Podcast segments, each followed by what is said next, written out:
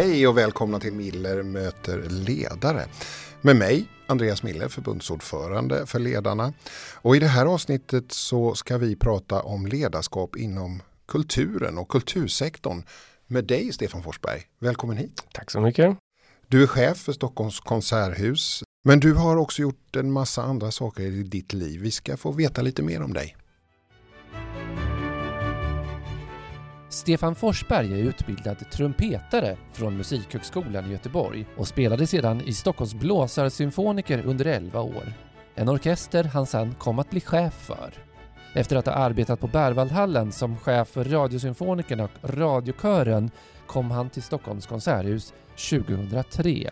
Han är ordförande i bransch och arbetsgivarorganisationen Svensk scenkonst samt ledamot i Kungliga Musikaliska Akademin, prisnämnden för Polarpriset, Nobelstiftelsens konstnärliga råd och ledamot i styrelsen för El Sistema Sverige. Jag hörde dig som konferencier och värd för riksmötets konsert i Konserthuset i samband då med öppnandet av riksmötet den här hösten. Och jag slogs av att du drev ju ganska friskt med riksdagsledamöterna och påpekade då att förra hösten så sa de bara nej, nej, nej efter att de hade varit på er konsert. Det var ju när man skulle försöka hitta en regeringsblindling. Och du pekade på att egentligen ingen ville se en lösning riktigt och du skojade med dem. Men jag funderade sådär, är det något som har präglat dig i ditt chefskap att inte säga nej utan försöka säga ja? Det skulle jag nog definitivt påstå. Jag är absolut en person som ser möjligheter och, och drivs av att, att ha människor som vill utvecklas. Sen finns det alltid problem man måste ta sig förbi men tycker det alltid är så tråkigt att börja med att säga att saker inte går. Ja, därför har jag satt upp en liten tavla på min vägg på kontoret som, som påminner mig om att jag aldrig ska tänka så. Den säger det kommer aldrig att gå. Just därför att jag verkligen vill visa på att allt går.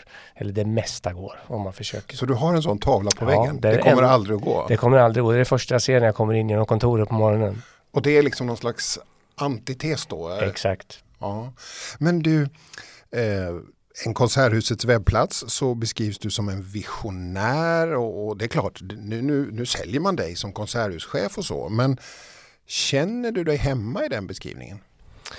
Jo men det gör jag. För mig är det ju att kunna vara chef utan visioner. Det har varit för mig varit för mig är det omöjligt. Och då ska man veta, jag är ju inte en, en utbildad eh, chef på det sättet. Jag är ju musiker och, och, fick det här jobbet och blev, fick förtroendet att bli chef. Och för mig var det därför självklart att anamma den drivkraften som man har som musiker. Man vill ju alltid utvecklas och gå vidare, ha tankar och idéer och skapa saker. Så för mig är visioner en, en grundförutsättning för mitt ledarskap i alla fall. Mm. Och, och, vad skulle du säga, vad är din grundvision? Vad är, vad är liksom det som bär dig till jobbet och möta den där skylten och tänka att det går istället? Ja men det, det, det är flera saker. Det ena är ju att man måste ha en grundrespekt för den konstnärliga processen. Att är man konstnär och jobbar med dem då finns det liksom inte, du kan inte begära att gå in och spela lite lagom bra eller lek lite på scenen framför publiken utan det är alltid på liv och död. Och det har jag ju lärt mig genom mitt eget liv. Det är så otroligt dramatiskt och, och, och man vill, eh, konsten är någonting mer än vad man själv är och man, man, känner att man är nästan en tjänare i det. Den respekten måste man ju ha med och att få förmedla då den känslan till människor som egentligen bara har det här som ett fritidsintresse. Jag älskar musik, jag vill komma och lyssna och så sitter det människor som brinner, verkligen fysiskt brinner och förmedlar musik av en tonsättare som har brunnit lika mycket. Det mötet är ju helt fantastiskt och det driver nog en vision att så många som möjligt ska få ta del av kultur i vårt samhälle. Du sa här, ja men jag är musiker, jag är inte utbildad till chef. Eh, du var ju trumpetare. Mm. Eh, och, eller är trumpetare ska mm. jag väl säga. Men, men eh, vad har du byggt på då? Vad har du byggt och, och lärt dig för att bli den chef du är idag? Man har ju snappat upp eh, saker som man har behövt naturligtvis om man har goda medarbetare på de områden man är svag på. Och, och, jag bygger mycket ledarskap på att man, eller hela mitt ledarskap på att man först måste bejaka sin egen personlighet och, och styrkorna vet man. Men man måste också bejaka sina svagheter och sen tycker jag, för mig i alla fall, att man måste våga berätta om det. Säga att det här är inte min starkaste gren men jag ska verkligen jobba på att förkovra mig inom det. Så det är dels att man har lärt sig av de som då är ekonomer eller jurister eller marknadsförare. Och jag kan bara stå för konsten och jag tycker ett sånt möte, ett sånt ledarskap skapar ju ganska goda dialoger. Så det, det, är, väl, det är väl det. Sen fick jag ju en, en start så där som var, handlade om att det var kriser. Och det gör ju också att man går oftast den snabbaste vägen för att hitta lösningar och det, det, där får man ju lära sig den hårda vägen att, att eh, försöka nå fram till resultat. Mm. Men du, du sa ekonomi, juridik, marknad, är det områden som du har liksom sett att här är inte Stefans starkaste sidor? Eller? Ja, jag har varit väldigt öppen med, jag får ju förmånen att föreläsa en hel del om ledarskap och jag har alltid varit, eh, alltså min absolut svagaste gren i skolan var matematik. Och är man svag i ett sånt där kärnämne så jag kan fortfarande komma ut och, en morgon och känna att ja, det, det doftar likadant som det gjorde liksom för 35 år sedan när det var matteprov. Liksom. Jag kan känna igen den där ångestkänslan. Och då har man ju med sig en väldig respekt för siffror. Nu sitter man och förvaltar hundratals miljoner kronor. Och det är klart att man aldrig är självsäker eh, i sådana situationer. Men hur hanterar du det då, den där ångesten? För samtidigt så måste du ju fatta beslut som får ekonomiska konsekvenser och du måste prioritera och så. Hur, hur bearbetar du den där, den där gossen då i mattesalen som för att inte han ska fatta besluten om du förstår vad jag menar. Ja, jo, nej, men jag förstår precis vad du menar. Och, och det, det, blev ju som jag sa, man bejakade det som man var svag på. Så styrkorna de, de har man ju automatiskt, de kliver ju fram så tydligt. Och svagheterna de måste man ta till sig och därför så valde jag att jag kan bara vara mig själv och då måste jag hitta mitt sätt att förstå eh, bokslut och, och, och budgetar och så vidare. Och eh, jag minns så väl i min styrelse satt väldigt höga finanschefer och jag blev uppkallad dit och de sa, ja men jag, jag sa att, ja men hur tänker du kring det här då när jag erkänner att det här är en svag? Ja, jag tänker som min egen hushållsekonomi. Ja, det är utmärkt, sa den här finanschefen. Det är samma sak, det är bara lite fler nollor. du, eh, du har ju förändrat Konserthuset eh, ganska mycket. Det har blivit en, eh, i alla fall kan man konstatera det, en bredare publik. Det är ett öppnare hus. Den där balansgången mellan tradition och förnyelse och utveckling. Mm. Hur har du jobbat med det? Det är två grundförutsättningar som för mig var, var helt avgörande och fortsatt är någon av de viktigaste teserna för mig att det finns så många som vill kapa förtöjningarna till historien idag. Och jag tycker att en av de viktigaste delarna i ett samhälle är att man är väldigt lojal och, och uppmärksam på vad historien kan lära oss men lika uppmärksam på vad samtiden ger, ger vid handen. Och det är enda möjligheten att den kopplingen mellan historia och samtid kan peka ut en väg till framtiden. Och därför så, så var det självklart för mig att vårda det som, vad är grundvärdet i, i, i huset? Jo, det är den klassiska musiken. För det har vi en stor orkester, det måste bejakas och då finns det ett enormt historiskt tradition. Men det finns också en enorm förväntan i samtiden. Och att, att förena de båda var för mig en, en, en självklarhet och det, det, har aldrig stått i en motsats att mm. kunna göra. Men, men du, jag, jag, jag, har diskuterat med orkestermusiker som, som sitter i, i uh, orkestrar och, och, och där där de kanske vill förnya och hitta nya verk och, och, så. Men det finns liksom en tradition och en publik som har ett helt annat, eh, liksom, vi vill höra det vi alltid har hört. Ja, så är det. Ja, hur, hur brottas man med det liksom som, i din position? För det handlar väl också om en, en, en stadig publik som kan oh, bli upprörd och nästan backa ur och ja. komma en ny publik som man inte är så säker på. Så är det och det gäller ju att bygga den lojaliteten eh, till, till publiken att de ska lita på, på det vi gör. Och sen har jag stor respekt för att det vi sysslar med är offentliga medel. Eh, hade det här varit mitt privata konserthus, ja då hade jag kunnat gjort på något annat som en privatteater. Ja, man, man säljer saker, det ska säljas så mycket som möjligt av en produkt och vara så kommersiellt som möjligt. Så är det inte i en verksamhet som våran utan vi ska eh, förvalta också ett arv, vi ska förvalta en samtid, vi ska jobba för ett jämställt samhälle, vi ska använda musiken för att peka på viktiga områden i samhället idag. Så att eh, det, det är alltid så att man måste i de här vägarna våga leda eh, och våga peka på att vi, vi kapar inga förtöjningar någonstans utan vi, vi, vi vi, lägger till saker och gör det på ett modernt sätt men med största respekt för både samtid och, och tradition. Mm. En av de här traditionerna som har liksom nästan murat fast någon slags idé om att det nästan bara finns manliga eh, kompositörer mm. har ju du medvetet försökt att bryta med. Mm. Eh, kan du berätta lite, hur, hur gjorde ni för att faktiskt öka eh, kvinnor som kompositörer i Konserthuset? Ja, ja, vi bestämde oss verkligen tidigt för att försöka utveckla repertoaren mer och för mig så var det som alltid, för många tror jag en personlig upplevelse. Som sagt, jag var professionell musiker, jag har tre döttrar. Eh, de var med mig jättemycket när jag satt och spelade i orkesterdiken och i konserthus och operahus och sådär och satt och lyssnade. Och en dag när de var lite äldre så sa en av mina döttrar vid åttaårsåldern att Men pappa finns det ingen musik skriven av tjejer? Jo, så det finns det. Ja, men varför spelar ni aldrig det då? Och då tänkte jag att nej men det där ska jag verkligen titta på. Varför kan vi inte bara titta på det? Och då ser man ju att det är ju enbart tradition och arv som har gjort att nej, kvinnor hade inte den platsen i samhället då. Det är inte samma sak som att de inte har skrivit musik. Och då bestämde vi oss för att nu ska vi nu ska vi utmana det. Så vi började ställa en fråga till varje artist och varje dirigent oavsett vilken status de hade, en nybörjare eller en stjärna. Frågan var, finns det någon musik skriven av en kvinnlig tonsättare som du kan tänka dig att spela när du kommer till Stockholm? Och då fick vi frågan, mm, ja, intressant fråga vi aldrig hört förut, varför ställer du den? Och så kunde man berätta, ja men det finns ju musik. Den är inte bara spelad, vi måste se till att den kommer upp. Och självklart, och med en gång så började saker förändra sig. Mm. Snabbt. Mm. Hur snabbt gick det där? Det gick snabbt. Vi började jag sa att det kommer ta tid när man ska börja mäta saker och ting men vi började så att från att det kanske handlade om fyra stycken kvinnliga tonsättare någonstans runt 2006 fram till 2016 då vi kunde peka på 114 kvinnliga tonsättare som vi presenterade. Så ungefär tio år. Och så att, men det, det krävde ju ett arbete av alla och det gällde inte bara eh, tonsättarna. Det gällde också hur presenterar vi en verksamhet? En marknadsavdelning fick i uppdrag, ja varannat foto måste ju vara av en kvinna och en man. Vi kan inte bara, det kan inte bara randomly gjort så. Och genomsyrade eh, di, eh, dirigentsidan också. Mm. Och vilket motstånd mötte du i det här?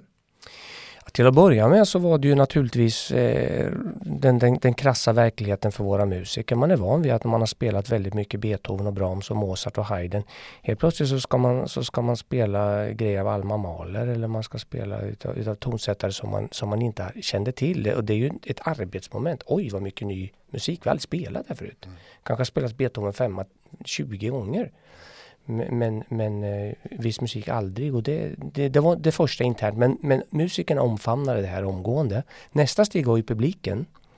Men i och med att jag bestämde mig för att gå på scenen också och berätta för publiken om varför vi gör det här så, så kan vi ju bara konstatera att av kulturbesökare så är ju minst hälften, tror jag, merparten kvinnor. De omfamnade ju det här. Och så det är självklart att vi kommer lita på det. Så jag sa, lita på oss nu. Du känner inte igen alla titlarna, men kom och lita på det vi gör. Vi skulle aldrig presentera något som inte är bra.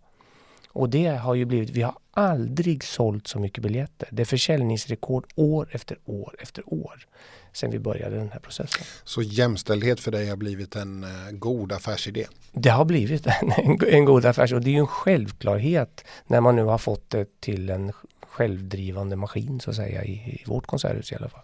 Jag tänkte ändå vi skulle återvända lite till ditt chefskap. Eh, det här är ju en ganska, du är en offentlig person, det är en stor institution i Stockholm, det är eh, också i Sverige, eh, i, i, i musikersverige. Var någonstans tankar du för att klara det här jobbet?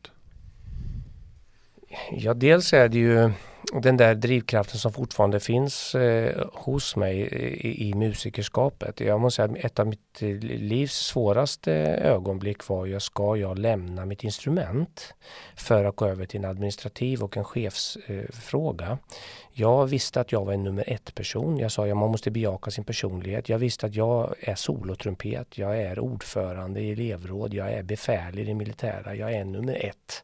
Jag har inga problem med att vara det. Och eh, drivkraften för mig har ju blivit när jag då klev över och trodde förtvinar jag nu när jag sätter mig bakom ett skrivbord och inte får sitta på scenen publikens bekräftelse i applåder. Men jag upplevde att skapandet i sig och publikens bekräftelse, eh, politikens bekräftelse, medias bekräftelse av att, eller ifrågasättande ibland av att är vi på rätt väg, det gav mig en enorm kickback. Och just den här känslan av, den bästa känslan är inte alltid gap och skrik och applåderna utan den bästa känslan är ibland tystnaden. När man har 1800 personer i en sal där alla musiker och alla åhörare för ett ögonblick, under ett par sekunder är det knäpptyst när sista ackordet har gått av. Och man vet, alla är på exakt samma plats i två sekunder. Det är en enorm kick. Så mm, den tankar jag på mycket i. Mm. Så det är det som ger dig ja, energi? Det är, alltså att vara, sitta hemma och försöka ha en ledig fredagkväll, no way. Jag vill vara på konsert. Jag är på varenda konsert om jag är i Sverige. Och vi gör 1100 evenemang per år. vad, vad, säger din familj då? Ja, de är med. alltså barnen är stora och nu är jag morfar. Eh, men, men, eh, men, min fru är med mycket. Det, det är en livsstil. Det, han, det här är en livsstil och man kan inte vara konserthuschef anser jag om det inte är mm. förenat med livet. Ska vi gå till trumpeten lite då? Mm. Kan du sakna trumpeten? Mycket. Jag har börjat öva igen jag ska precis äh, åka ner till Tyskland här nu och, och, och vi ska spela och ska jag köpa en ny. Så att jag tycker det är så roligt att öva. Nej, men jag kan sakna känslan av att, att, att brottas med sin egen fysiska kropp. Det är som det att sitta med ett instrument. Att du säger god morgon till dig själv. Och du säger god morgon till ditt instrument och sen vill du bara överträffa dig själv från hur du, hur du var förra dagen. Och varje morgon, hur besviken du än var på någonting du gjorde förra dagen så är du full av energi att överträffa det dagen på. Det är en enormt härligt, härligt eh, sätt att börja dagen på. Mm. Säger du god morgon till chefen också? Till, chefskapet? och till chefskapet? Ja men det kan jag absolut göra. Det kan jag, jag gillar de där små, eh, mitt rum är fyllt av uh, tavlor och saker som betyder någonting för mig. Den ena var just där det här kommer aldrig att gå. Som har en liten annan historia också men jag tycker den är rolig. Och den andra är påminnelser om att jag hade under min dator när jag började fick jag frågan hur mycket pengar kommer du att behöva för att utveckla allting under den här perioden som du har sagt i din vision. Och då sa jag, ja ungefär 700 miljoner. Så jag hade det som en liten papperslapp, 70 million euros. Det öppnade varje dag datorn och sa, kom bara ihåg, det här ska du fixa. Och nu är det en av tavlorna på väggen för den föll sönder till slut så nött blev den. Eh, Stefan, det här är en podd som, ja vi vet det är många som lyssnar på den, men det är många chefer och ledare som lyssnar på den här. Um, vad är ditt råd till en chef som vill liksom verk förverkliga och genomdriva en vision? Ja, det viktigaste för mig när jag gick in i, i eh, det här eh, ledarskapet, det handlade ju om visionen, att ha den. Och jag insåg väldigt snabbt att eh, jag är nu bland kollegor, vi är 135-140 stycken som är heltidsanställda. Alla är som Zlatan ungefär i sitt självförtroende. De är bäst. Alla har vunnit en provspelning bakom en skärm och sagt att jag är, var den bästa. Och därför måste du våga leda. Har du visionen, har du idén, så våga stå upp och led. Och jag har varit i situationer där man sagt Stefan, det är 98 procent av alla anställda här är emot. Ja, men jag råkar vara för. Och då är det det som gäller. Det, det, har jag just i visionsarbetet framåt. För det är så lätt att ta till sig att ja, jag kanske inte blir omtyckt, jag kanske inte blir populär. Men är du grundad i din egen övertygelse med värme och omtanke om människorna som jobbar där och vart vi ska, måste man våga leda. Måste våga. Mm. Vad tror du att du har fått den förmågan ifrån? Ja, jag vet inte riktigt på det sättet. Mamma sa alltid pojken han, är, han, han, han, han har inte förstånd nog att bli nervös. Det är kanske möjligen det som, som ligger i någonting i det. Men jag tror ändå på att eh, jag är ingen ond människa. Jag har förlikat med vem jag är som person. Jag är, en, jag är en snäll person. Jag är en glad. Jag är alltid glad och positiv. Och därmed så måste jag ju grunda mig att om jag själv inte tror på idén som jag ber att min personal ska genomföra, vem i all sin dag ska då tro på den? Så att jag måste ju våga lita på att jag har rätt och acceptera att det är katapult på chefstolarna. En dag är du ute. Det är därför man väljer att bli chef och lite kanske det sporrar också att testa var gränserna går. Mm. Du har ett förordnande till 2021? Eller? Nej, jag har faktiskt fått ett sånt där evergreen card så att jag får vara kvar så länge som de vill att jag ska vara kvar och så länge jag vill vara kvar så får jag vara kvar. Och vad har du för perspektiv då? Ja, just nu, du vet jag är ju en, en, en man med grånat hår så att jag börjar närma jag är 58 år nu. Och det finns ingen bättre plats att vara på än i Konserthuset i Stockholm. Man får skapa konst på många delar ute i världen där man kunde ha gjort roliga upplevelser i andra världsstäder så får du bara jaga checkar utav rika människor. Och här i Sverige kan vi skapa konst tack vare vår offentligt finansierade kultur det är en stor förmån att få varje dag gå upp och skapa evenemang. Så att jag tror att jag blir pensionär här faktiskt. Mm. Om jag får. Och då innebär det att Stefan Forsberg kommer vara konferencier på ett antal eh, riksmöteskonserter på hösten. Ja, om jag får förtroendet. Mm. Det var väldigt roligt att ha dig här. Stort tack för att du kom till eh, podden Miller möter ledare. Tack så jättemycket.